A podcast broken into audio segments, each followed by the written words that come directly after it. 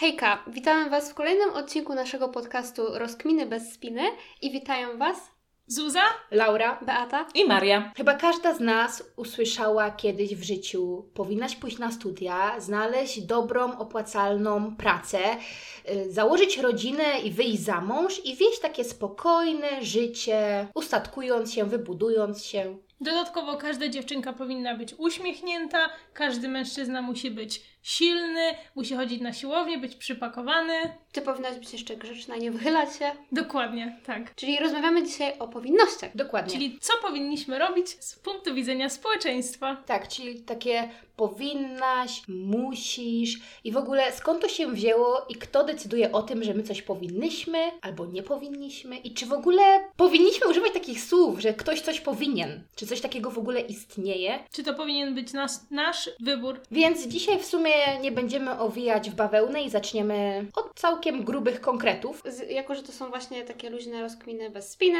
to będziemy sobie tak rozmawiać, bo w sumie ten temat myślę, że chyba nas wszystkie interesuje, bo ostatnio tak się odpaliłyśmy z tym i chciałyśmy nagrać na podcast wcześniej, ale no nam nie wyszło. Tak, więc chyba zaczniemy od takich naszych przemyśleń. Czy któraś z Was chciałaby się podzielić swoimi przemyśleniami albo historiami, które przeżyła ze słowami powinnaś coś zrobić, albo Ci nie wypada, albo wypada? Ja w sumie miałam przemyślenia do pytania, skąd to się wzięło. I tutaj mój przyjaciel byłby ze mnie dumny, bo, ponieważ muszę totalnie poprzeć jego teorię, czyli to, że świat zbudowali heteroseksualni mężczyźni i że tak naprawdę większość stereotypów, które teraz krążą po świecie, to właśnie jakby jest zapoczątkowana przez nich e, i tego, że oni mieli jakby największe wpływy, podejmowali naj, najwięcej decyzji jakby, jeżeli Najbardziej chodzi... istotnych. Tak. E, No i jakby też się cofając do w ogóle czasów e, człowieka pierwotnego, mm, to wtedy jakby ten obraz już też się pojawiał, czyli tego, te stereotypy już wtedy się Kreowały. tak, też poniekąd naszą naturą, ale to potem zostało jeszcze bardziej utwierdzone e, w takich już rozwiniętych społeczeństwach. No i ja to bardzo widzę, to znaczy e, właśnie tego, co e, kobieta jakby może pokazywać, jeżeli chodzi o swoje ciało, a że facet nie ma takich w ogóle Wytycznych. wytycznych, dokładnie. I o roli jakby mm, pod względem płci w społeczeństwie to też bardzo mocno widać i moim zdaniem jest to też potwierdzenie tej teorii. Mhm. I mi się też nasunęła taka myśl, że w ogóle skąd się bierze, skąd się biorą stereotypy. No, że z jednej strony, tak jak Ty powiedziałaś, że no, kto stworzył ten świat i tak dalej, ale że my czasami ludzie potrzebujemy takiej generalizacji, bo na wtedy po prostu jest łatwiej zrozumieć pewne. Po prostu łatwiej jest zrozumieć to, jak funkcjonuje świat, i po Mhm. prostu mam wrażenie, że lubimy czasami sami się wrzucać w takie schematy. Ja kiedyś słyszałam, że jeżeli możesz utożsamić się z jakąś grupą, to te, wtedy tak czujesz przynależność i Mhm. jest ci tak, wiecie, pomimo tego, że nie do końca może ta grupa charakteryzować jakiś pozytywny aspekt, to jest ci tak jakoś raźniej. Potrzeba przynależności jest jedną z podstawowych y, potrzeb jako Chciałam nas to jako człowieka. To jest po prostu ewolucyjnie uwarunkowane, nie? Że No.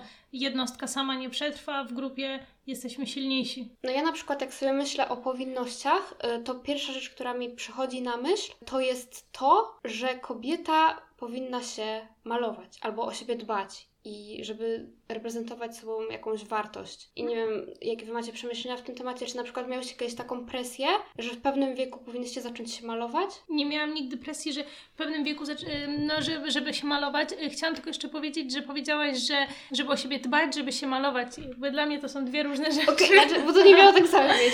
Ale chodziło mi o to, że właśnie często ludzie, to mnie bardzo irytuje, że właśnie oni utożsamiają dbanie o siebie z wyglądem zewnętrznym często. Że Mhm. Jakby to też ma, wiesz co, przełożenie. No to nie jest tak, że jak o siebie nie dba... Znaczy, inaczej, przez to, że dbasz o siebie, no to momentalnie wyglądasz lepiej na zewnątrz jakby, nie?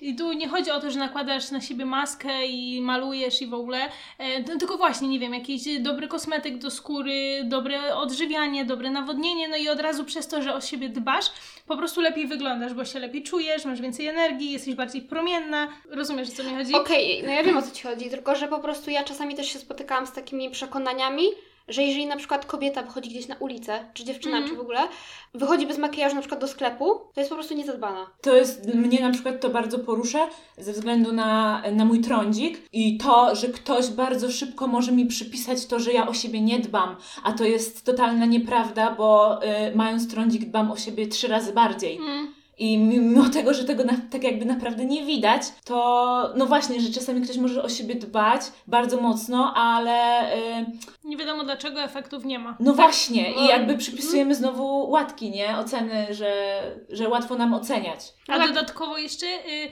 nakładanie na siebie makijażu to jest totalna odwrotność dbania o siebie moim zdaniem. W sensie, no okej, jakby y, makijaż to jest jakiś, nie wiem, dla mnie to jest wyraz, wiecie, artystyczny, nie? Po Mhm. prostu malujecie sobie jakoś fajnie oczy, coś tam, no wiadomo, chcemy się upiększyć i okej, ale y, jeżeli my mówimy, że makijaż to jest to samo co dbanie o siebie, no to dla mnie to jest absurd, bo nakładając taką tonę fluidu, ym, nie wiem, jakiejś pudru, rozświetlaczy, wszystkich chemikali, chemikaliów, no to my zapychamy sobie pory, jakby bodźcujemy tą naszą skórę wszystkimi niedobrymi rzeczami, no. Znaczy, bo właśnie ty poruszyłaś fajny temat, bo są w sumie, są w sumie dwie strony medalu, tylko ja chciałam właśnie podzielić się w sumie taką swoją refleksją na temat makijażu, żeby to też tak, bo w ogóle chyba tutaj, jak my się spotykamy, to żadna z nas chyba tak na co dzień się nie maluje, co No. nie? Na co dzień nie, ale lubię zrobić makijaż, jak gdzieś wychodzę. Mhm. No właśnie, No to nie jest nic złego.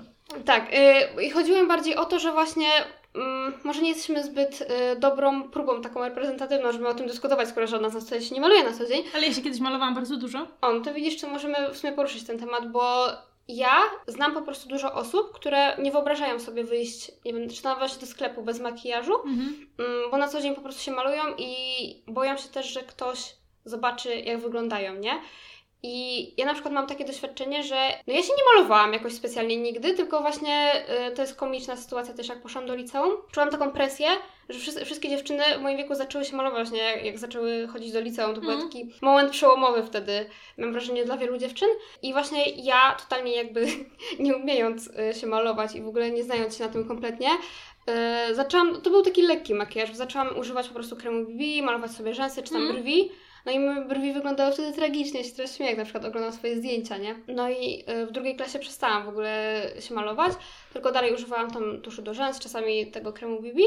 No i jakby ja zawsze byłam z tym okej, że jakby nie miałam tego makijażu i zastanawiałam się ostatnio skąd się u mnie wzięła ta presja, że powinnam to robić, mimo tego, że nie czułam się z tym komfortowo, bo dla mnie osobiście, tak jak właśnie ty mówisz, że to jest sztuka, ja, w sensie, ja się na co dzień nie maluję, ale na przykład lubię, jak ktoś mnie umaluje na jakąś specjalną okazję, Mhm. albo na przykład podoba mi się makijaż u innych osób, bo uważam, że to jest właśnie też jakiś wyraz siebie, Mhm. że i też wiele osób traktuje to jako pasję i że to jest jakiś też wyraz artystyczny. Mega mi się podoba makijaż u innych osób i nie tylko u dziewczyn, bo w sumie o tym się za bardzo nie mówi, ale przecież mężczyźni też mogą się malować Tak. i makijaż też wtedy u nich bardzo ładnie wygląda, uważam. E, No ale ja uważam, że makijaż jest super, ale problem pojawia się wtedy, kiedy my mimo tego, że nie lubimy tego, to i tak Bo robimy czujemy właśnie tą powinność. tak, że chcemy się jakoś ten pasować. No bo dla mnie osobiście to, to jest po prostu, ja wolę sobie dłużej rano pospać, zrobić jakieś inne rzeczy. Dla mnie to jest strata czasu, żeby poświęcać czas, żeby się jeszcze umalować, ale no chciałam powiedzieć, że to jest takie moje osobiste jakby doświadczenie i przekonanie, że nie uważam, że osoby, które to robią, to w jakiś sposób robią coś źle. Tak, ja tylko właśnie chciałam powiedzieć, żeby nasz odbiorca nie, nie odebrał tego w negatywny sposób, bo jeżeli ktoś się maluje, któraś z Was się maluje, sprawia Wam to przyjemność, radość i nie czujecie, że robicie tego przymusu, absolutnie nie oceniamy i jest to Wasza decyzja, więc Makijaż luzie. jest super ogólnie. Niefajnie jest, kiedy nie chcemy tego robić, a robimy to tylko dlatego, żeby wpasować w jakiś schemat i że Dokładnie. czujemy presję, że tak powinniśmy, bo inni od nas to, tego wymagają. Mhm. Y, Ja jak myślę o powinnościach, przychodzi mi na myśl, że strój wyraża to, jaki my mamy szacunek do kogoś. Nie wiem, czy wiecie, o co mi chodzi. że na przykład myślę na przykład najbardziej... na przykład, ale myślałam bardziej o żałobie. I O, jakby, no ogólnie w społeczeństwie polskim jest tak, że jeżeli jest żałoba, e, ktoś umrze z rodziny, to musisz się ubierać na czarno przez przynajmniej rok, powiedzmy. No bo jesteś w żałobie i jeżeli Mhm. tego nie robisz, to nie miałeś szacunku do osoby, która umarła Tylko i... mnie czasami zastanawia, skąd się biorą te ramy czasowe, że akurat rok. W sumie rok to dużo. Ja tydzień. Ja myślę, że to W właśnie... życiu nie słyszałam o roku. To zależy chyba jak kto bliski jest dla Ciebie. Ale właśnie... No, mm, Pewnie tak. W życiu nie słyszałam o roku. Ja słyszałam. Ja, czy, czy, najczęściej było w moim przypadku tak, że właśnie rok. Ja- U mnie było zawsze tydzień. No ale też ogólnie i strój, i teraz już sobie też myślę o, o, o tej żałobie, to y, zachowanie. Tak sobie myślę, że co ma wspólnego to, czy ja założę czarny y, sweter i czarne spodnie po śmierci, mm, nie wiem, mojego jakiegoś bliskiego wuja, czy ja założę pomarańczową koszulkę, czy ja będę miała mniej, mniej do niego szacunku wtedy, czy ja nie będę go, nie wiem, jakoś opłakiwać tej żałoby, ja mogę sobie to robić, wiecie, w środku nie muszę pokazywać światu, że o matko, jak ja cierpię. No i właśnie, i to jest takie dziwne i tak samo nie można jechać na wakacje, jak ktoś umrze. Jakby wiecie, w społeczeństwie. Nie można iść na imprezę, bo, no bo przecież jest żałoba, no to jak ty możesz się bawić? A przepraszam bardzo, jeżeli ja nie pójdę na tą imprezę, to wskrzeszę tego, który umarł? Ale to jest super ciekawe, bo mam wrażenie, że w naszym kraju przynajmniej jest coś takiego, że jest taka trochę gloryfikacja smutku, że Mhm. po prostu chwali się kogoś, jak kogoś jest beznadziejnie i że ty powinnaś narzekać i w ogóle bądź smutna, to wtedy będzie dobrze, tak? Tak, A jak ktoś jest szczęśliwy, to zaczynamy doszukiwać się jakiegoś problemu i Ciekawe. tak. I Ale też y, ostatnio przeczytałam takie coś fajnego, że jak w Stanach Zjednoczonych się zapytasz, co tam, to powie, a wszystko okej, a Mhm. u ciebie, a u nas, a stara bida. A, jest, Jest coś w tym stylu. Lubimy narzekać ogólnie, ale też właśnie mam wrażenie, że y, lubimy jak u kogoś jest źle. Tak, Tak. to jest znowu, mam wrażenie, taki trochę stereotyp nasz w społeczeństwie polskim. My lubimy, jak się komuś źle dzieje, bo my lubimy mieć lepiej niż ktoś inny. No, no tak słabe to. jest. Ale mi przyszło do głowy, jak właśnie powiedziałaś o tej e, pomarańczowej bluzce czy swetrze, że to jest właśnie takie trochę generalizowanie i utożsamianie jakby Twoich uczuć i tego, co Ty przeżywasz, Twoim wyglądem zewnętrznym No, i ocenianie dokładnie. w ogóle Ciebie przez osoby, które na przykład Ciebie nie znają Tak. i tego, co Ty odczuwasz na podstawie Twojego wyglądu. Dla A czasami też nawet osoby, które mnie znają, No tak. mogą tak, e, nie, czy nie mówię akurat tutaj o swoim przykładzie, tylko tak ogólnie, nie? Że Mhm. czasami nawet najbliżsi wytykają, że nie jesteś ubrana na czarno, nie y, poszłaś na tą imprezę, a nie powinnaś iść, bo wczoraj umarł wujek. No i to też jest krzywd- krzywdzące strasznie, no, nie? takie Bo wzbudzające poczucie winy w tobie. strasznie.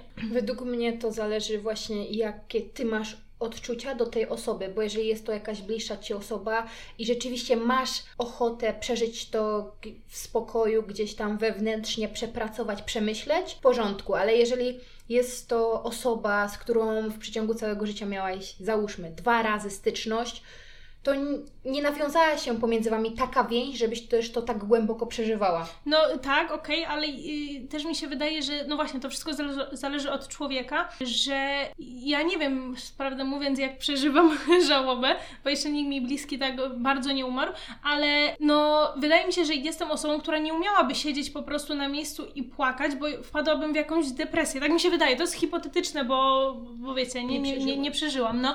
Ale no, są różni ludzie. Jedni ludzie wolą sobie popłakać przez, nie wiem, dwa lata w łóżku i, i przeżywać depresję, a inni wolą to przeżyć w sobie, iść na imprezę i to wyrzucić. Ale w ogóle co mi przychodzi, w ogóle jestem zaskoczona tym, bo nie sądziłam, że będziemy gadać o żałobie, ale to jest ciekawe, no bo przecież w innych kulturach są kultury, gdzie Mhm. jeżeli przeżywasz żałobę, no to te osoby urządzają Się przyjęcie, cieszą. tak, No. urządzają przyjęcie na twój, e, Twoją cześć, bawią się, jedzą i ogólnie wspominają Ciebie w takich pozytywnych okolicznościach. Mm. I mnie to właśnie bardzo ciekawi, no bo właśnie hipotetycznie, gdybym umarła teraz, tak, nie sądziłam, że będziemy o tym rozmawiać, to wolałabym, żeby właśnie ludzie e, dobrze mnie wspominali Mhm. i, i właśnie, żeby na takim przyjęciu na moją cześć był śmiech, była zabawa, były po prostu pozytywne skojarzenia z moją osobą, a nie Mhm. płacz i smutek. Nie chciałabym, żeby ludzie płakali z mojego powodu. A do tego nie mamy przyzwolenia, żeby No właśnie. się śmiać na stypie i żeby się bawić.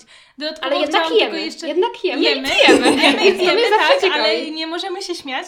Ale co jest też bardzo ciekawe, że jakby polska religia zakłada, że człowiek, który umiera, idzie do nieba, do Boga. To dlaczego my z tego powodu się smucimy, że on trafił na, do wiecznego życia Tak, i ja ma teraz też nie rozumiem. dużo lepiej niż na ziemi. W- Że Chrześcijaństwo. chrze- chrześcijaństwo tak zakłada właśnie, że, że idziemy do nieba i że trafiamy do Boga, jesteśmy w lepszym miejscu niż jest ziemia. Jesteśmy w najlepszym miejscu, jakie sobie możemy wymarzyć, a my z tego powodu płaczemy. Ja mam wrażenie, że my lubimy się smucić po prostu, jak tak generalizując właśnie. Tak, to prawda. Znaczy, też jakby, Jeżeli jeżeli... nie, też nie było takiego było wydźwięku, że smutek jest zły, bo to jest Tak. ważna emocja. Tak, bardzo ważne i właśnie chciałam powiedzieć, że, że to, że oni trafiają w to lepsze miejsce, okej, my tutaj tracimy kogoś, dlatego płaczemy, nie? Jakby y, już nigdy więcej się z nim nie zobaczymy z tą osobą, no więc jesteśmy bardzo smutni. No ale no właśnie, dlaczego nie ma tego przyzwolenia na ten śmiech? Jestem ciekawa, skąd Jest się to tylko wzięło, ten tak. smutek. Bo to bardzo się mnie zainteresowało w tym momencie. Ej, ale przerywnik, ja nie sądziłam, że będziemy gadać o żałobie. Ja też się Nie, no, spodziewałam, ja też że nie. ogólnie ta rozmowa potoczy się w takim kierunku, Sumie ale też nie, ale mi to przyszło to, to jest bardzo momencie. ciekawe. Ciekawy przykład. To jest ciekawe, jeżeli właśnie prowadzimy sobie taką otwartą dyskusję na luzie rozmawiając. No to w sumie ja chciałam jeszcze, bo ty zaczęłaś o tym ubiorze i to też jest temat, który mnie niezwykle y, intryguje ostatnio, Mhm. że ja w ogóle rozumiem, bo w pewnych y, kręgach i w pewnych sytuacjach obowiązuje jakiś dress code, Mhm. tylko właśnie ja mam takie przemyślenia, że właśnie skąd się to bierze, że ludzie sami to ustalają i jakby rozumiem to, że na jakieś ważne spotkanie biznesowe, czy jak, jeśli pracujesz w firmie, no to nie pójdziesz w dresach, No po tak. prostu są takie zasady, ale z drugiej strony właśnie mnie to ciekawi, skąd to się wzięło, skoro z reguły w dresach jest wygodniej. No. I ja rozumiem, jeżeli to jest w jakiś sposób też dopasowane do osoby, bo na przykład nie podoba mi się coś takiego, że jakaś firma ma taką politykę, że ty powinnaś konkretnie idąc do tej pracy mieć te i te ciuchy, albo na przykład być w szpilkach, co mnie niezwykle irytuje, bo ja bym nie mogła iść do pracy w szpilkach, bo ja w ogóle nie umiem chodzić w szpilkach, nie lubię szpilek. Tak, i dlaczego? Dlaczego? Przecież to jest w ogóle niebezpieczne, przecież To nie jest- można się To potknąć. jest mega ciekawe, bo ja jestem na przykład osobą, która chciałaby chodzić do pracy w szpilkach. O, widzisz? Więc możemy zacząć dyskusję. Tak, no to możemy zacząć, no bo właśnie ja mam wrażenie, że to jest właśnie wszystko takie generalizowane, a dlaczego nie pozwolić, właśnie, no mówimy teraz o kobietach, tak, ale Mhm. ogólnie, nie pozwolić Ci chodzić w szpilkach, jeśli Ty byś chciała, Ja albo... bym, w ogóle to jest dla mnie też fenomenalne, bo ja bym najchętniej chodziła w szpilkach na co dzień. Ale ja też czuję, że to nie jest moja powinność, żebym wyglądała dziwnie i bym była wytykana palcami. Czyli byłabyś oceniana, nie? Tak, totalnie. No a ja na przykład jakbym miała iść do jakiejś takiej pracy, załóżmy, mm, mam też znajomą, y, serdecznie Cię pozdrawiam, która pracuje w kasynie i właśnie tam jest, jeśli dobrze kojarzę, że trzeba tam zakładać szpilki y, i właśnie mam takie, że jesteś dziewczyną, która pracuje w kasynie i musisz jakoś wyglądać, żeby reprezentować firmę. I mi się to bardzo nie podoba, że osoba pracująca musi być w pewnym stopniu jakąś wizytówką, że Twój wygląd zewnętrzny musi być wizytówką. Nie wiem, mam Chociaż wobec z tego drugiej takiej... strony mówi się, że pierwsze wrażenie to jest najważniejsze wrażenie, nie? I jeżeli... Go kurczę, znowu, tutaj Ale to jest krzywdzące bardzo, tak. bo znowu właśnie ktoś Cię odbiera właśnie przez ten wygląd zewnętrzny, nawet nie zdąży Cię poznać i Mhm. ocenia Twoje kompetencje, tak? Mhm. No, to jest zdecydowanie. straszne. A na przykład, no, ktoś może nie lubić chodzić w szpilkach i dlaczego nie może założyć płaskich butów do tej pracy? Nie podoba mi się to bardzo. No, ale no to są moje przemyślenia. Wie, wiem, Tak, że no świata nie ogóle- zbawimy, ale... Tak, tak. W, w ogóle jakby ramy stroju eleganckiego też moim zdaniem są śmieszne, bo uważam, że y, elegancko można wyglądać zarówno na szpilkach płaskich, i w ogóle w sukience, w kombinezonie, w spódniczce, w spodniach. Totalnie. W różnych się. kolorach. Tak, da Tak. się, a nadal jest y, jeden i ten sam schemat. Strój galowy Tak. w szkole, spódniczka Oj, tak. poniżej kolana, Czarna. najlepiej y, ołówkowa, czarna, biała koszula włożona w, spod, w spódniczkę i najlepiej jeszcze do tego marynareczka. Noż do No. Przecież to jest takie, nie, wiecie, co mnie irytuje właśnie na egzaminach. W sensie, ja rozumiem, że na przykład coś w tym jest, że nie poszłabym na egzamin w dresach, bo jednak traktuję to bardziej tak poważnie, wiecie, ja też lubię wtedy elegancko wyglądać, żeby też jakoś poczuć ten klimat, tak? Mhm. Ale nie wyobrażam sobie iść na egzamin w jakiejś w ogóle ciasnej koszuli, w ściskającej mnie spódnicy, gdzie ja bym się czuła niekomfortowo, Mhm. gdzie ja na tym egzaminie powinnam się skupić na pisaniu,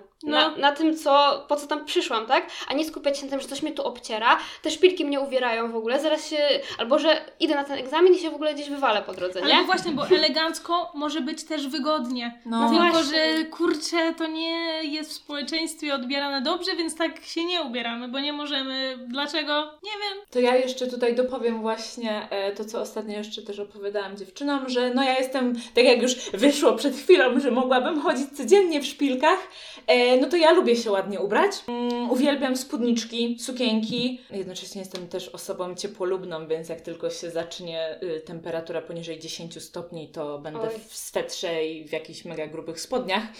E, niestety. Ale masz sweter na sukienkę i też jest super. No właśnie ostatnio zaczęło być modne, muszę to wypróbować. Tak, ale też czuję takie mm, ocenianie przez inne osoby, że nie umiem właśnie się ubrać na luzie, że zawsze muszę być odwalona. Mam wrażenie, że właśnie te osoby myślą, że Ale wiecie, co mi przychodzi na myśl? Że to jest właśnie, Bo ja mam tutaj zupełnie takie inne doświadczenia, że właśnie ja czasami mam wrażenie, że, bo ja właśnie lubię tak ubrać się na luzie, że to założyć dresy i w ogóle, żeby było mi wygodnie i w, ogóle fajnie.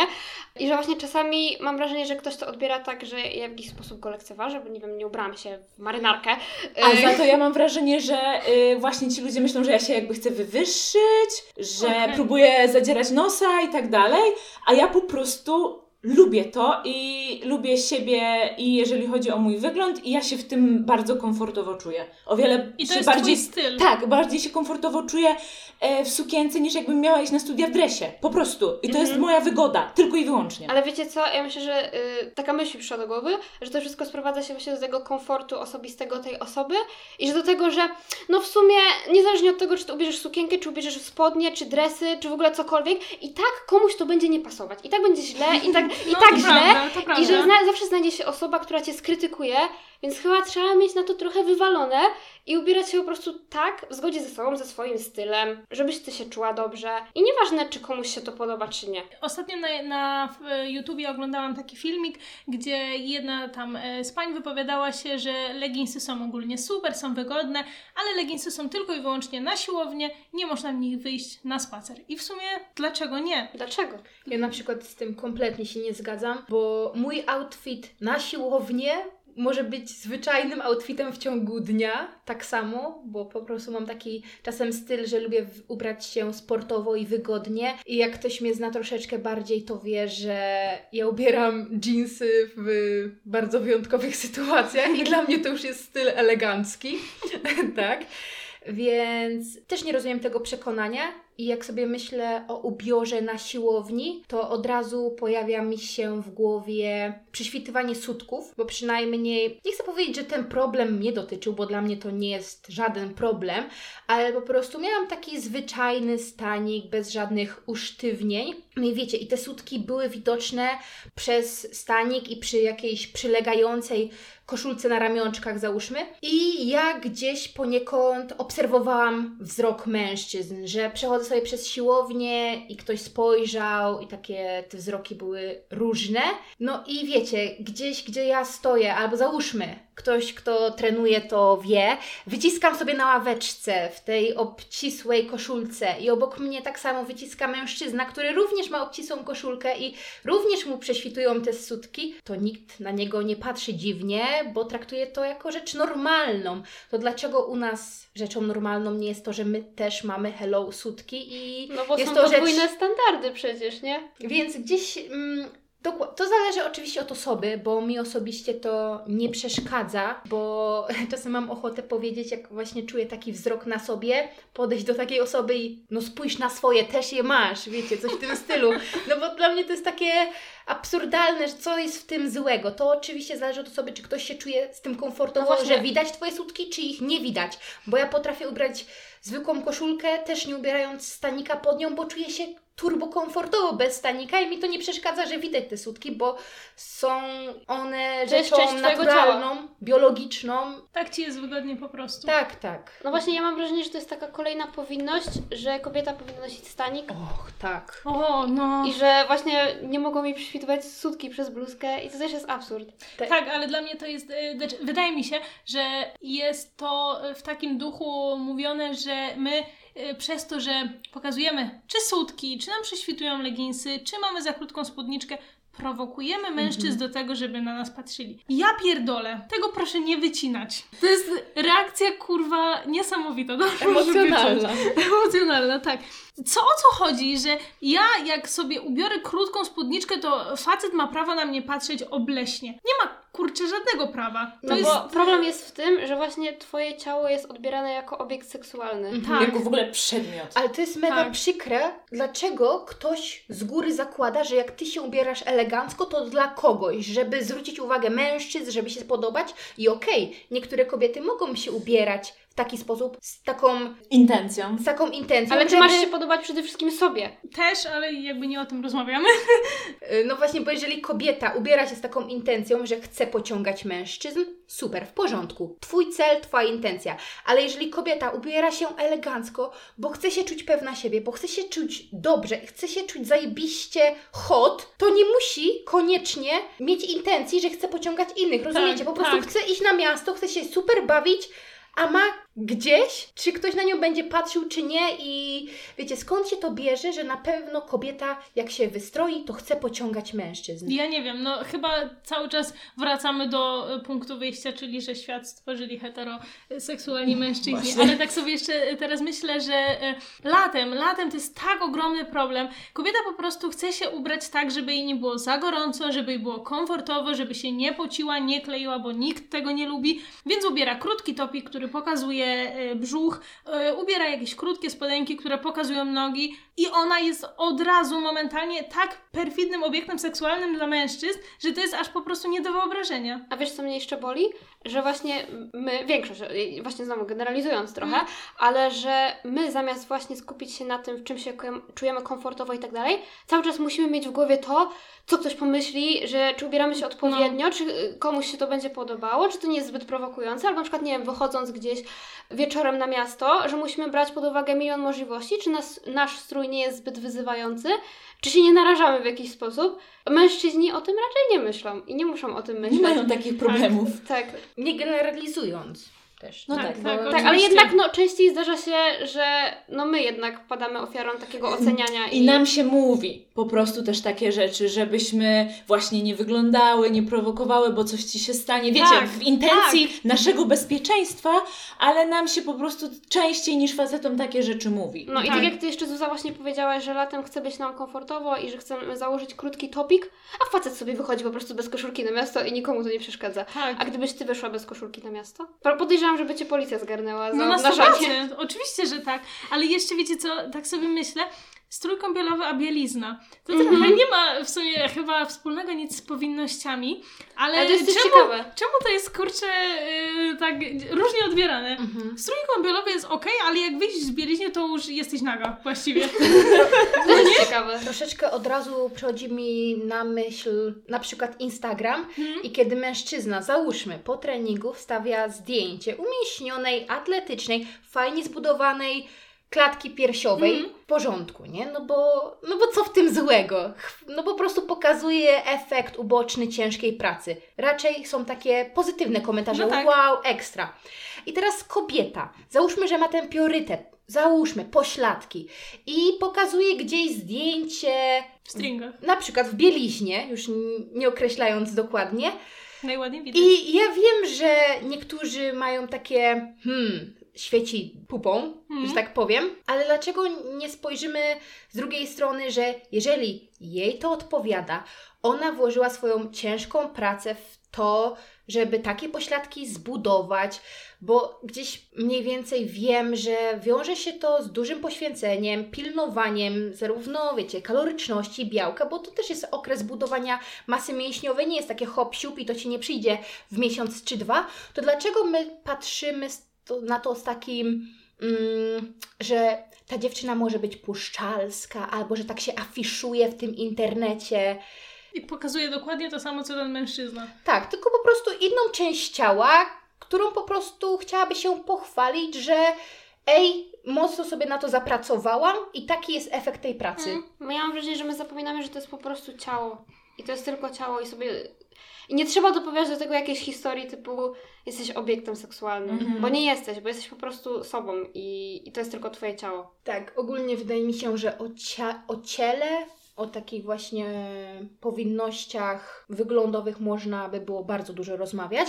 Nie wiem, czy zgodzicie się, żeby troszeczkę w innym kierunku teraz No przejść. pewnie. Mam wrażenie, że my idziemy w ogóle w różnych kierunkach, więc Tak, okej, to taką po- e, powinnością, ostatnio mi bliską, jest, są studia. Mhm. Bo okej, tak gdzie ja wyraziłam własną chęć pójścia na ten licencjat z dietetyki, fajnie, chcę go skończyć, tak ostatnio dochodzą do mnie różne głosy, to co, Laura, magisterka? A ja, że nie wiem, po prostu na aktualną chwilę nie czuję potrzeby, ale to też nie oznacza, że to się nie zmieni w przeciągu roku, pół roku, bo ja mam czasem szalone pomysły i ciężko mnie zrozumieć i ogarnąć i nadążyć za tym.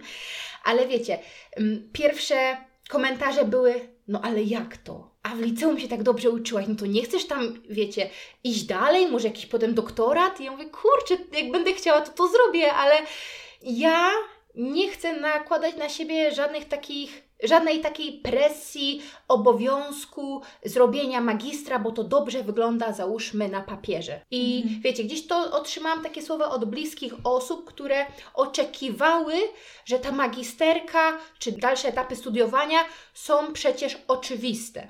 Ja mam tą samą dokładnie historię. Moi rodzice oczekują, że w ogóle magisterka jest nieodzownym elementem mojego życia. Moi dziadkowie najchętniej by mnie posłali na doktorat, a ja nie wiem.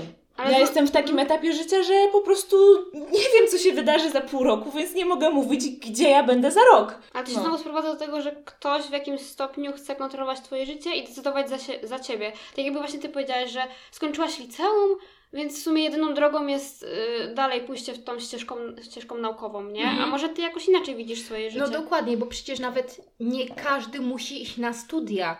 Osoby po technikum, które wiedzą mniej więcej, co chcą robić w życiu i mają jakąś wizję, nie potrzebują tego wykształcenia wyższego. No nie chcę generalizować, że tylko osoby po technikum. Ogólnie, nieważne po czym jesteś, ale jeżeli nie czujesz chęci pójścia na studia, to po prostu nie idź, a nie, że społeczeństwo zakłada, że jest to nieodzowny element życia i ty musisz iść na studia, bo jak to bez wykształcenia wyższego? No tak to. Wystarczy, że będę zarabiać wystarczająco i będę zadowolona z takich standardów życia, jakie aktualnie mam i jak ja jestem szczęśliwa, To jest To- elegancko. to jest najważniejsze i nikogo i nikomu do tego nie powinno nic, wiecie, nie pasować. Ja uważam, że nie powinno się tego oceniać w kategorii, że jeśli na przykład ktoś idzie na studia, to jest lepszy, albo Mhm. jeżeli ktoś nie idzie na studia, to jest gorszy.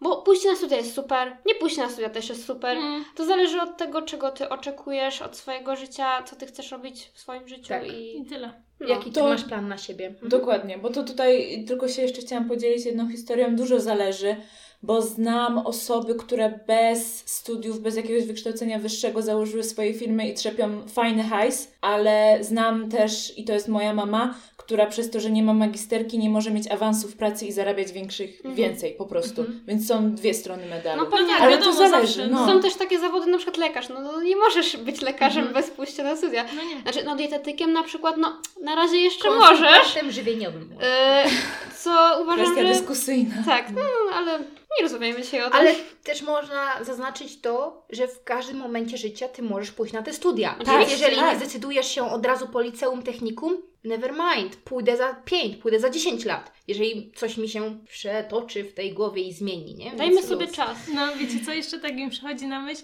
Taka śmieszna, ale my powinniśmy być na etacie, No. bo to jest bezpieczne. I jeżeli zakładasz swoją działalność, e, działasz na własną rękę, to to już jest niebezpieczne. I, i jak Jesteś w ogóle to, szalony. Jak to możesz działać na swoją Albo jeśli rękę? Nie okradłaś masz... kogoś, że masz pieniądze, żeby założyć Tak. własną firmę. To tego nie słyszałam, Ale to, to już w takich, mam ale- wrażenie, starszych naszych polskich społeczeństwach i no to, To nie, takie... ale, ale właśnie, że jak to? Jak nie masz pracy, teraz nie masz etatu? Jak to jest możliwe? I co? Z czego będziesz żył? Musisz być na etacie, żebyś przeżył, bo jak zakładasz własną działalność, to jest kaplica i już nie ma pieniędzy, nie żyjemy. No, troszeczkę powiązane z pracą, taka presja, że ty też musisz wiedzieć, co ty będziesz chciała robić Jezu, już w no. przyszłości. Mm. Takie, no ty powinnaś już wiedzieć, jesteś po liceum, hello! To, to nic, że gorzej ma... po studiach. Dobra, Tak. ale to nic, że wiesz, człowiek ma załóżmy 18-19 lat i tak naprawdę dopiero gdzieś zaczyna się te życie i jest czasem często zagubiony i gdzieś musi ogarnąć siebie, stworzyć wizję na siebie, dopiero pomyśleć, co ja chcę robić, jak to życie ma wyglądać i gdzie jeszcze otrzymuje milion pytań z, z otoczenia, Mm. To jest naprawdę przykre, że na nas się narzuca coś takiego, że ty już musisz wiedzieć. A nawet jeśli powiesz, to musisz się tego trzymać, bo jeszcze kurczę, nie możesz zmienić wizji, no bo jak to? Tak. Mnie to właśnie bardzo boli, że na przykład ty masz 18 lat, jesteś w ogóle w klasie maturalnej, czy już przed klasą maturalną i wszyscy wyrają taką presję, że ty musisz już zdecydować, gdzie ty pójdziesz na studia, na jakie ty pójdziesz studia. W No. ogóle już mieć wizję 10 lat w przód. Ale to byś musiała mieć tą wizję od y, skończenia gimnazjum właściwie. Bo idąc do liceum, już wybierasz profil. Tak. I to już się niestety- określasz. I to jest w ogóle dla mnie tak straszne, że znowu. Zlikwid... Dobra, nie wchodzimy w tematy polityczne, ale zlikwidowali nam gimnazjum i co się wydarzyło i młodzi ludzie jeszcze wcześniej muszą decydować, co Tak. oni muszą, co oni chcą robić I w tu też przyszłości. mamy powinności, bo Tak, skończyłaś, jesteś na, na przykład z, z mojego, mm, mój przykład, nie? E, Jestem na biochemię. Ja powinnam, ja muszę iść teraz w to. Ja nie mogę iść sobie na filologię hiszpańską na przykład. Albo, no właśnie. Nie znam hiszpańskiego, ale powiedzmy, żebym chciała iść na to.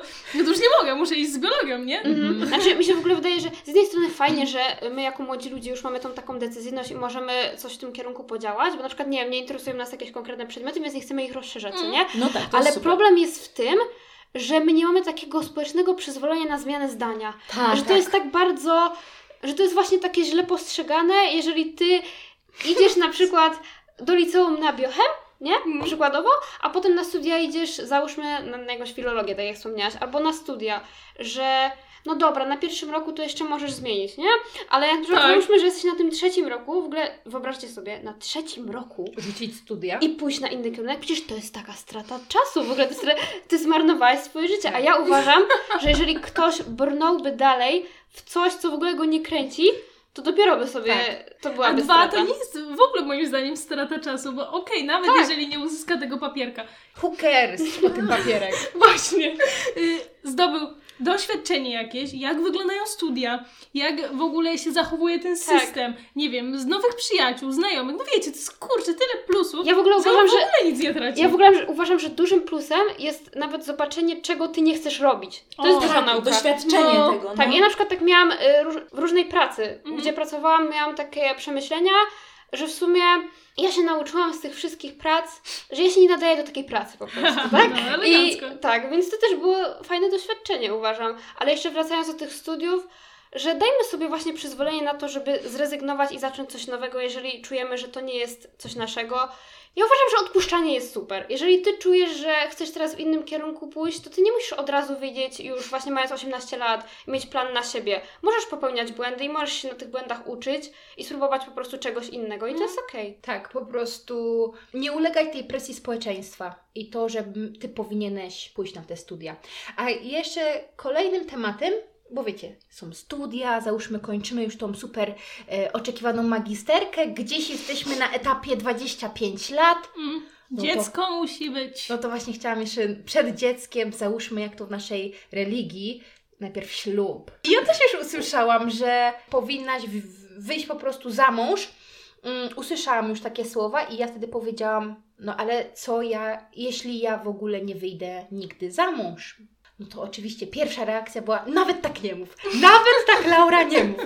No ale ja mówię, ale ja już tak mówię i wiecie, uprzedzam Was, że taka możliwość istnieje, bo co Mogę ja Ci wejść słowo? Bo w sensie Nie. właśnie mnie to rozwala. Właśnie mnie rozwala ta reakcja, że nawet tak nie mów, że właśnie ktoś w jakimś stopniu bierze odpowiedzialność za Twoje życie. Dlaczego tą osobę to boli? Przecież to ty decydujesz o swoim życiu, to Ale nie jest ta osoba. Powiem Wam, że to jest jakby, wydaje mi się, że jest to spowodowane tylko i wyłącznie religią. Że musimy wziąć ten ślub i jeżeli my byśmy żyli, y, jeżeli byśmy, nie wiem, porozmawiali z osobą, która jest y, ateistą na przykład, ja myślę, że ona by nie miała takiego problemu do tego, że ty nie wziąłeś tego ślubu. Możliwe, Znaczy, że no, nie. to znowu jest takie generalizowanie. No tak, ale... oczywiście, no ale no wiecie, w chrześcijaństwie musisz wziąć ten ślub, żeby to było mm, święte dziecko, nie? Takie wiecie, takie... Udok- nie, No, formalne? No, takie formalne, żeby, żeby to nie było dziecko y, Z grzechu. z grzechu, dokładnie. W ogóle, już pomijając ten temat y, religii, wyjdźmy z religii. Tak. Seks. Seks to jest też taka powinność paskudna, w sensie w społeczeństwie, że to jest okropne, jak się tym... Y, A co masz na myśli mówiąc, że powinność? W Że sensie- pewnie- Różne, że musisz mieć orgazm, że musisz doprowadzić mężczyznę do orgazmu. Y, Nie dość, że ty musisz mieć orgazm, to jeszcze mężczyznę musisz doprowadzić do orgazmu. Że najlepiej, naj, najlepszy stosunek jest taki, gdzie obydwoje macie razem orgazm, bo tylko taki jest dobry stosunek. Że musisz być po ślubie, żeby, żeby odbywać stosunek. Że kobieta musi mieć mniej e, partnerów seksualnych niż O, mężczyzna. tak, to tak. też jest powinność. Tak. Powiedziałaś, że ta osoba ci powiedziała, że nawet o tym nie mów. Mhm, tak, mm, tak, to po prostu była taka szczera, otwarta rozmowa z moimi rodzicami y, i ja, wiecie, jestem na tyle zmienną osobą, która ciągle gdzieś się rozwija i kreuje siebie, że chciałam po prostu jasno zakomunikować, żeby nie nastawiali się na to, że ja będę miała w przyszłości ślub. Ja również tego nie wykluczam. Ale rozumiecie, nie chciałam ich nastawiać, żeby byli po prostu gotowi, że Na może każdą być. sytuację. Tak, dokładnie, na każdą sytuację, że może być, ale nie musi go być. Ale z drugiej strony też mnie to fascynuje, że właśnie ty musisz kogoś przygotowywać do tego, że masz taką presję, że musisz kogoś po- poinformować o Mhm. twoich przyszłych zamiarach. Trochę tak. Że nie, że nie będą się one wpisywały w e, Oczekiwania. tej drugiej osoby, Mhm, tak. Tak, tak. Rzeczywiście, to jest dziwne, że my musimy tak przygotowywać em, bliskie osoby psychicznie. Na to, jak w ogóle będzie wyglądało Zbie- twoje tak, życie. Tak. Z drugiej strony, yy, znaczy tak, to jest, to jest ciekawe, że No musimy absurd. przygotowywać, absurd, okej, macie rację, ale wydaje mi się, że to jest też taka nasza dojrzałość jakaś taka emocjonalna, też yy, taki mm, rozeznanie, co się dzieje w świecie i jakby jesteśmy świadome tego, że, że nie do końca tak to wygląda, jak powinno wyglądać i żeby jeszcze większej szkody nie zrobić, no to jednak to zapobiegniemy temu, nie? Uświadamiając ich wcześniej, że nie wiadomo. Tak, tak. I taka moja Czemu? była intencja, po prostu, żeby ich nie stresować, że wiecie, ja będę miała 30 lat i będę bez dzieci bez męża, to już teraz zaznaczyłam, że taka, taka możliwość istnieje. No ale jak to? Dobra, Jeszcze bez pracy. Jeżeli idziemy już tak tokiem studia, ślub, dzieci, to, osta- to jeszcze kolejna rzecz, którą ja usłyszałam, to osiedlenie się w jednym miejscu na ziemi. Czyli wiecie, albo wziąć kredyt, wybudować dom, albo wynająć mieszkanie, coś w ten deseń. No, no, no. Mnie to zawsze fascynuje, skąd mamy wziąć na ten kredyt. Znaczy, wiesz co, ja ogólnie uważam, że posiadanie takiego miejsca, y, do którego można wrócić i takie jakby osiedlenie się, w cudzysłowie, y, na, na, na, na, jakimś jednym miejscu na ziemi jest super, tylko pod takim względem, bardzo. że no tak, w sumie tak, ale no dla mnie akurat jest super, bo nawet jeżeli bym chciała sobie wyjeżdżać i nie wiem, mieszkać załóżmy w Stanach, w Hiszpanii, w Paryżu, no to wiecie, jakby y, jeżeli tam coś nie wyjdzie, okej, to już są znowu czarne Takie myśli. Tak, ale jeżeli tam coś nie wyjdzie, to zawsze mam, czy mam dokąd wrócić, nie? I to jest takie też chyba poczucie bezpieczeństwa po prostu, to osiedlenie się w jednym miejscu, że nieważne co się wydarzy, to jest już twoje, ty tam zawsze możesz wrócić i tego ci już nikt nie zabierze. No, Mieć że- takie wiadomo, bezpieczne miejsce. Mogą zabrać i mogą cię wyrzucić z domu swojego osobistego, No nigdy nie wiesz. ale no nigdy nie wiesz, dokładnie. Z jednej strony tak, masz rację, bo takie miejsce, które mamy gdzieś i wiemy, że jest nasze, sprawia taki komfort i bezpieczeństwo, że jest gdzie wrócić, jest to takie ciepłe miejsce, które zawsze na nas czeka. I to jest znowu przykład na moim przykładzie, że ja po prostu informuję z góry, że ja za szybko nie osiądę w jednym miejscu, bo już wiem, że nie jestem tą osobą. I tak jak Beata powiedziała, tak naprawdę pod względem każdego tematu wszystko zależy od osoby, bo każdy ma, wiecie, inne priorytety, inną wizję, tylko żebyśmy znowu nie szły w taką pułapkę społeczeństwa, że ty musisz osiąść w jednym miejscu. Nie, nie musisz. Jeśli nie chcesz, to nie osiadasz, tylko No. zwiedzasz, podróżujesz i szukasz miejsca dla siebie. Dlatego na, o tym nawiązałam, że wiecie, to jest raczej taka generalizacja, że gdzieś po studiach szukasz własnego mieszkania i te przeprowadzki raczej nie są tak chętnie postrzegane, że raczej jak dużo ktoś się przenosi, no to jest jakiś niezdecydowany, Niestabilny. niestabilny No. nie wie co chce ze sobą zrobić, a to nieprawda, niekoniecznie. Przeprowadzki są super, bo ty możesz spróbować żyć w innym miejscu. Nawet nie mówiąc już o innych państwach, że ty poznajesz jakąś inną kulturę, ale tutaj, wiecie, tu w, gdzieś w rejonach blisko gór, tu nad morzem, tu nie wiem, gdzieś na Mazurach, no ekstra jest nawet takie Różne rejony w Polsce nawet, kraju, nie? no. Ja mam wrażenie, że jest trochę problem też z przyzwoleniem na to, żeby popróbować sobie różnych rzeczy i dopiero zdecydować. I to się też odnosi właśnie do studiów, do Mhm. miejsca Tak. zamieszkania. Do wszystkiego. Bo skąd No. mamy już od początku wiedzieć, co chcemy? No musimy po prostu tego doświadczyć, żeby to wiedzieć, nie? Mm. I tak samo jak właśnie gadałeś o tym mieszkaniu, że są osoby po prostu, które będą chciały mieć już to swoje jedno miejsce na ziemi teraz i nie chcą, nie chcą zmieniać, nie chcą się wyprowadzać i to jest też okej, Mhm. ale też będzie okej, jeżeli jakaś osoba będzie chciała, nie będzie chciała po prostu wynajmować czy budować swojego domu czy mieszkania, etc., tak?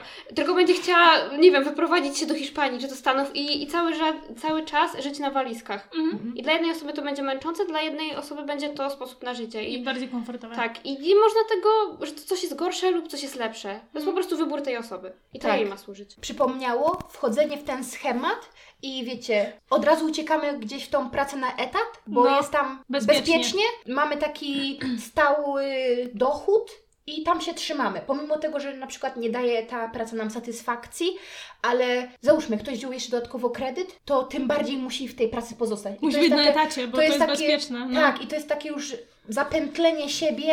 No i nie wiem, mi mega przykro się patrzy na takie osoby, że ktoś siedzi w tej pracy, bo musi, wiecie, bo właśnie ma na głowie kredyt i teraz nie może sobie tak o przestać chodzić Mm, do tej pracy, mm. nie? I szukać coś, co mu się podoba.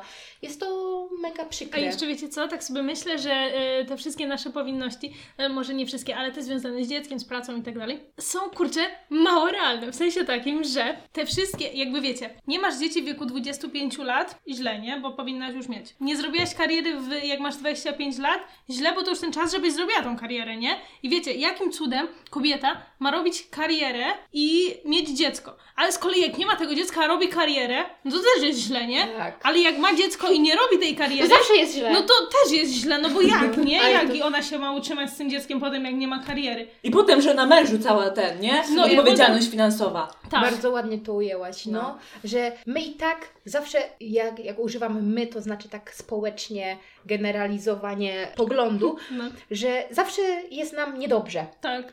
Może nie nam, e, ogólnie Wracamy do tego, że- tak, społecznie. Wracamy do tego, społecznie. że lubimy, jak nam jest niedobrze. Ale wiecie No. co? Ja muszę dać ten przykład, bo, bo to jest taki całkiem bliski przykład mojej rodzinie, odnoszącego, odnosząc się do mojego brata. Oczywiście to jest taki żartobliwy i żeby nakreślić sytuację. Wiecie, ja mam starszego brata o 7 lat i gdzieś tam rodzinnie najpierw była presja idziesz na studia, musisz skończyć studia. Okej, skończył studia. Gdzieś tam, potem ta magisterka.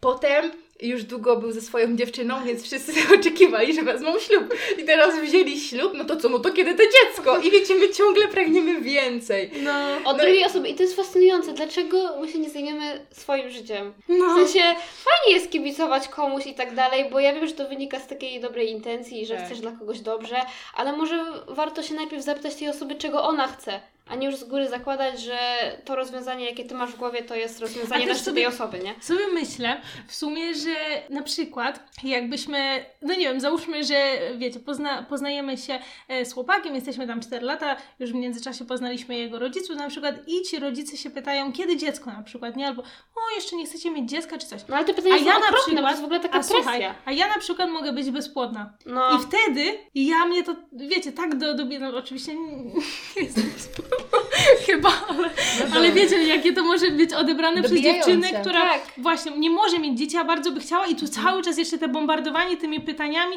kiedy to dziecko, kiedy to dziecko, a ona nie może mieć tego Tak, dziecka. bo jest przecież milion możliwości. Że ona nie może, może nie chcieć, może. No po prostu może być dużo innych różnych rzeczy. Tak, tak, Więc- dokładnie.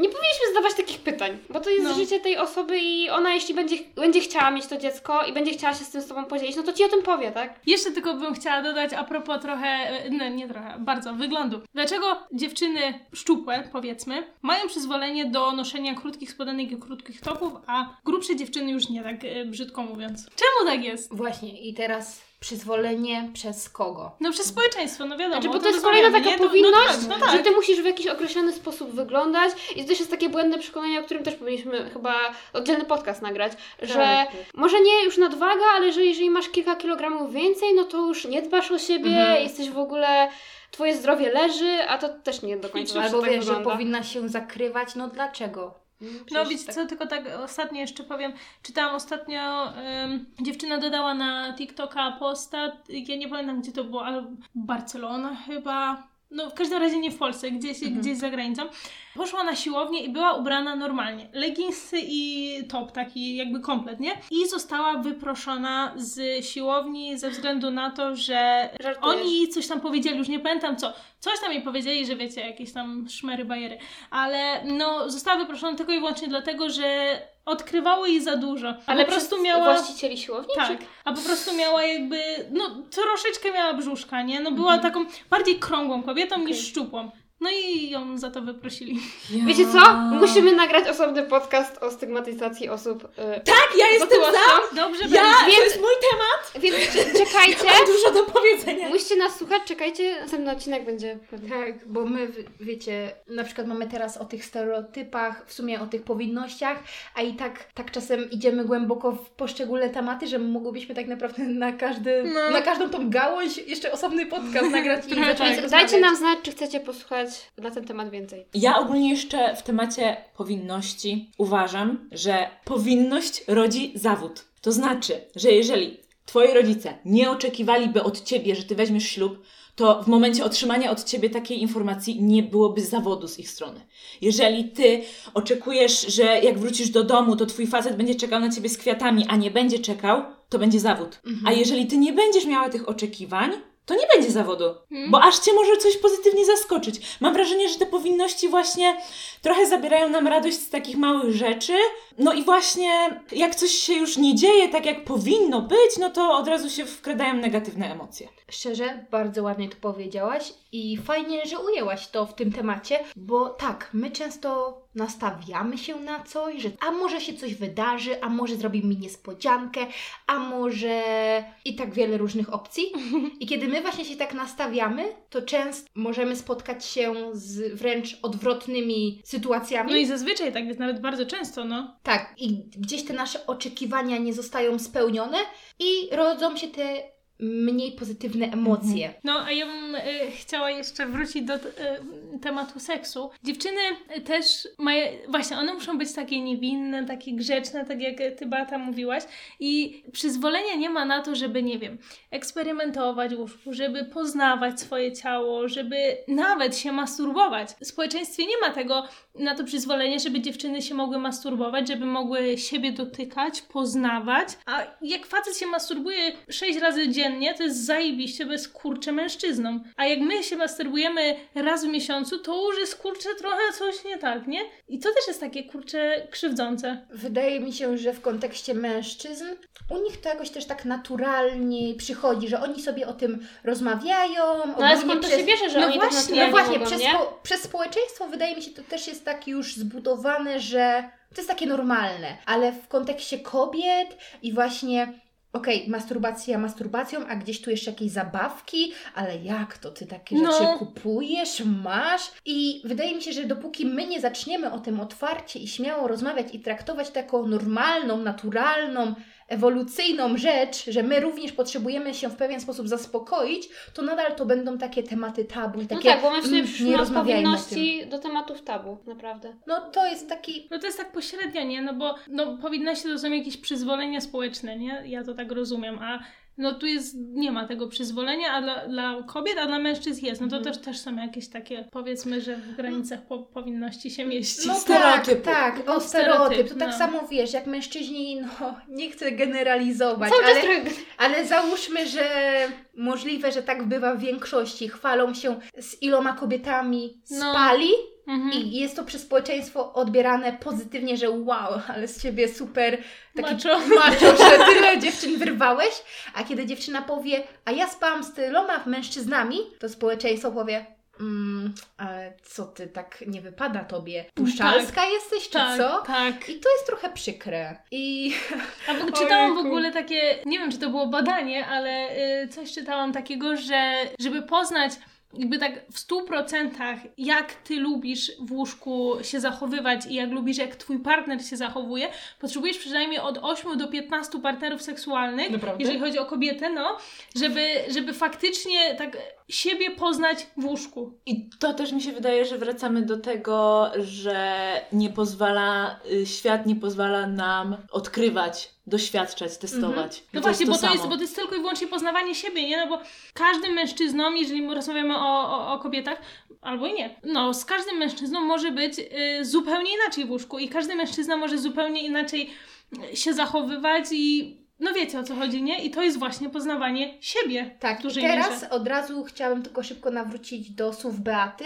Hmm? Każdy taki mężczyzna, każdy kontakt seksualny nie tylko pokazuje to, co ja lubię, ale czego nie lubię. Czyli jeżeli Tak. się nie. Okej, mo- pomimo tego, że ta znajomość była jakaś taka krótsza, bardziej spontaniczna, nieważne, to zawsze można z tego coś wyciągnąć. Jeżeli nawet nie była ona w pozytywnych re- takich stosunkach, to przynajmniej dowiedziałam się, czego nie lubię Mhm. i czego nie chcę od mojego przyszłego związku. Mhm, masz Ze rację. wszystkiego można wyciągnąć jakąś lekcję. Tak, uważam. dokładnie. I No, jakby też nie chcę mówić, że jeden partner seksualny jest zły, bo też można y, się. Kobieta może mieć tysiąc partnerów seksualnych i to jest super. Tak, i Tylko zabezpieczajmy się i uważajmy na zdrowie, no bo. Tak, to jest kolejny temat, ale właśnie dobrze o tym tak rozmawiać otwarcie. Ja nie mówię, że wiecie, nie znamy się z kimś albo dopiero poznaliśmy się i ej, porozmawiajmy sobie, chociaż jeżeli ktoś ma ochotę, to niech rozmawia o czym chce. Chociaż wiecie co, ale znowu ci przerwę. Chodziło mi o to, że właśnie ty powiedziałaś coś w stylu, że jeżeli widzimy się pierwszy raz, to niekoniecznie, nie?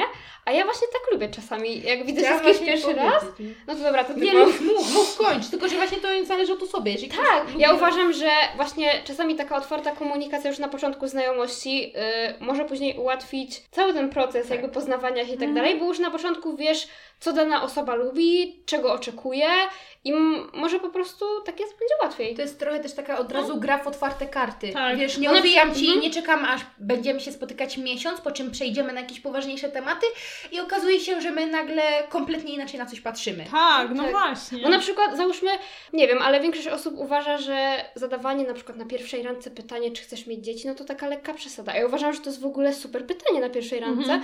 bo jeżeli załóżmy, ja nie chcę mieć dzieci, taki hipotetyczny przykład, i będę się spotykać z kimś, kto te dzieci chce mieć, a myślimy o raczej takiej długoterminowej relacji, no to jaki To nie jest sens się sensu. spotykać, No. To też jest poszanowanie Twojego czasu, moim Oczywiście. zdaniem. No. Słuchajcie to, mały hit. Nawet jeśli tego słuchasz, to nie interesuje mnie to, ale raz spotkałam się z gościem z Tindera. To było nasze pierwsze spotkanie i ostatnie, tak tylko muszę zaznaczyć. I wiecie, rozmawialiśmy o sobie, ja powiedziałam o tym, że skończyłam kurs trenera personalnego, gościu Mhm. był 3 lata starszy ode mnie i oczywiście jego pierwsza reakcja, jesteś trenerką personalną i wiecie, ta rozmowa z góry zaczynała się z takim poniżającym tonem w stosunku do mnie, że na pewno nie mam żadnych kompetencji, i jak ja to sobie w ogóle wyobrażam, ja, taka smarkula jako trener personalny i on miał takie do mnie, taki do mnie stosunek, że ja to powinnam na początku robić te treningi za darmo, pomagać ludziom za darmo, bo przecież ja nie mam wiedzy i ja w sumie uczę się z tymi podopiecznymi w tym samym czasie, że oni się uczą i ja się uczę. I aż byłam z siebie mega dumna, że potrafiłam po tej rozmowie wyjść i odcedzić tak te wszystkie informacje i kompletnie ich nie przyjąć do siebie, bo była ta rozmowa taka dosyć poniżająca mnie. Mm, I on miał taki stosunek do mnie pobłaż... nie pobłażliwy, ale Wywyższający się on był. tak, trochę taki dyskryminacyjny również. No ja uważam, że takie traktowanie to jest duże umniejszanie tobie. tak, umniejszał mi na pewno w pewien sposób. I ja sobie pomyślałam, że kto będzie mi mówił, kiedy ja coś powinnam zacząć robić. Nawet pod względem tego, że nie jestem aktualnie doświadczoną trenerką personalną, z czym zgadzam się, ale to powiedz mi, kiedy mam zacząć zbierać doświadczenie, jak nie w tym momencie, z tym, co mam teraz. I ja powiedziałam tej osobie też otwarcie, że okej, dzięki tam za te Twoje opinie, ale ja i tak będę robiła to, co uważam za stosowne, bo narzucanie komuś z góry, że powinnaś coś, a nie powinnaś tamtego, chodzi mi o tak, dochodząc do konkluzji, bo widzę, że tak trochę zgubiłam wątek. Ja w sumie chciałam podkreślić, y, że to jest ważna rzecz, której nie powiedziałaś, że ty też nie eksperymentujesz, bo ty tak naprawdę nie wychodzisz poza swoje kompetencje ze swoimi podopiecznymi. Bo co innego, jeżeli ty byś miała ten kurs, ale byś próbowała na przykład jakichś treningów czy ćwiczeń, których nie próbowałaś, a ty tak sama mówiłaś, że robisz z osobami, które, z którymi trenujesz, tylko te rzeczy, których jesteś sama pewna i wiesz, że nie zrobisz im krzywdy. Tak, to zdecydowanie. I po prostu chodziło mi o to, że okej, każdy z nas może wyrazić swoją opinię w stosunku do czegoś, ale pamiętajmy o tym, że jak my dostajemy opinię od powiedzmy sobie osób obcych, które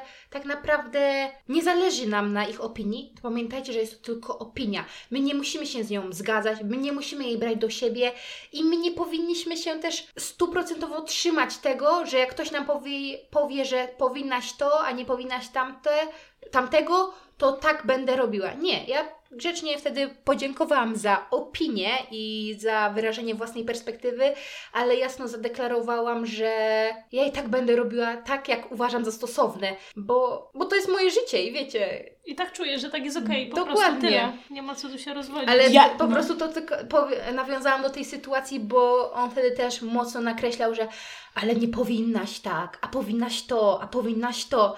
I takie, chłopie, daj mi spokój. Ja mam wrażenie, że z tego podcastu płynie jedno przesłanie, że nie lubimy słowa powinnaś. Tak, i jakby co to e, Laura została też już przez nas opierdzielona, że ten ziomek nie dostał z liścia, bo należało mu się. Totalnie. Bo Oj, ja, bardzo. bo ja ogólnie y, czasami wydaje mi się, że jestem chyba zbyt empatyczną osobą, ale dobra, to y, często sobie tłumaczę jakieś zachowania ludzi i staram się tak grzecznie, uprzejmie, wiecie, za- podchodzić. Ale Podziwiam. ze, zdecydowanie tamta osoba, nie chcę mówić, że nie zasługiwała, ale Ja to być powiem, jakoś... to był palant. Tak. Koniec, podsumowując. Chcę ogólnie powiedzieć, że dzisiejsza rozmowa była naprawdę gruba, bo poruszyłyśmy tyle wątków. Tyle Same- kontrowersji. Nie spodziewałyśmy się same Tak. tego, że na No takie tematy zejdziemy. Ja jestem zaskoczona. Tak. I kurczę, czasem jeszcze tylko teraz sobie myślę, że te powinności działają wręcz odwrotnie. Kiedy my słyszymy powinnaś coś zrobić, to nie wiem, czy u Was się wzbudza. Nie, to nie zrobię właśnie tak, jak Ty mówisz, tylko zrobię tak, jak czuję, tak, jak potrzebuję. Ale bo to też jest trochę e, ewolucyjnie, że my musimy jakby, e, my musimy czuć, że to my decydujemy o swoim życiu i nawet jeżeli ty chcesz to zrobić, głupi przykład, chcesz iść umyć naczynia i ty już idziesz umyć te naczynia, a mama ci mówi Ej, Zuza, może umyjesz naczynia? I wtedy ja już mam, nie, No bo my nie teraz lubimy, już nie umyję. my nie lubimy nam Ja chciałam umyć te naczynia, ale jak, i to miała być moja decyzja. A jak już nie jest moją decyzją, to ja już nie chcę umyć tych naczyń. No Dziękuję bardzo. I to jest ewo- ewolucyjne. losu. No. No, no, no. No i to dlatego też te powinności mogą nam trochę rujnować życie. Jakby w obie strony to Tak, może działać. tak, nie możemy robić coś pod przymusem, a właśnie e, mimo tego, że chcemy coś zrobić, to jeżeli jesteśmy przymuszani, to na siłę będziemy próbować zrobić odwrotnie. No ja Tak. myślę, że clue tej rozmowy to jest to, żebyśmy robili wszystko w zgodzie ze sobą, tak jak my czujemy i nie zwracali uwagi na to, czy ktoś uważa, że to jest okej, Mm. czy powinniśmy robić to, czy tamto. Nie da się dogodzić każdemu. Who Tyle ile cares? ludzi, tyle perspektyw, także Tak. I dla mnie najważniejsze, co zawsze ja sobie powtarzam, że celem dla mnie w życiu jest po prostu bycie szczęśliwym człowiekiem. Więc jeżeli robisz to, co sprawia ci przyjemność, to to rób. Nieważne, że nikomu to, nikomu to nie sprawia radości, tylko tobie. Nieważne, to jest twoje jedyne życie. A jeżeli nie masz czegoś takiego, to po prostu to szukaj, kreuj to, co sprawia ci radość i tyle. Bo masz tylko to jedno życie, więc nie popadaj w schematy i nie popadaj w rzeczy, które powinnaś, bo ktoś ci każe, lub powinieneś, bo ktoś ci każe, rodzice, społeczeństwo, babcia, dziadek. Okej? Proszę. Jedno róbmy życie. swoje. Koniec. Ja w ogóle kocham te podsumowania i złote myśli Laury zawsze na koniec. To jest intencje. O, dziękuję. No to tyle. Bardzo dziękujemy. Mamy, mamy nadzieję, że bardzo miło Wam się e, słuchało tego. Nam bardzo miło się rozmawiało, także e, do następnego i tyle. Pa! Na razie.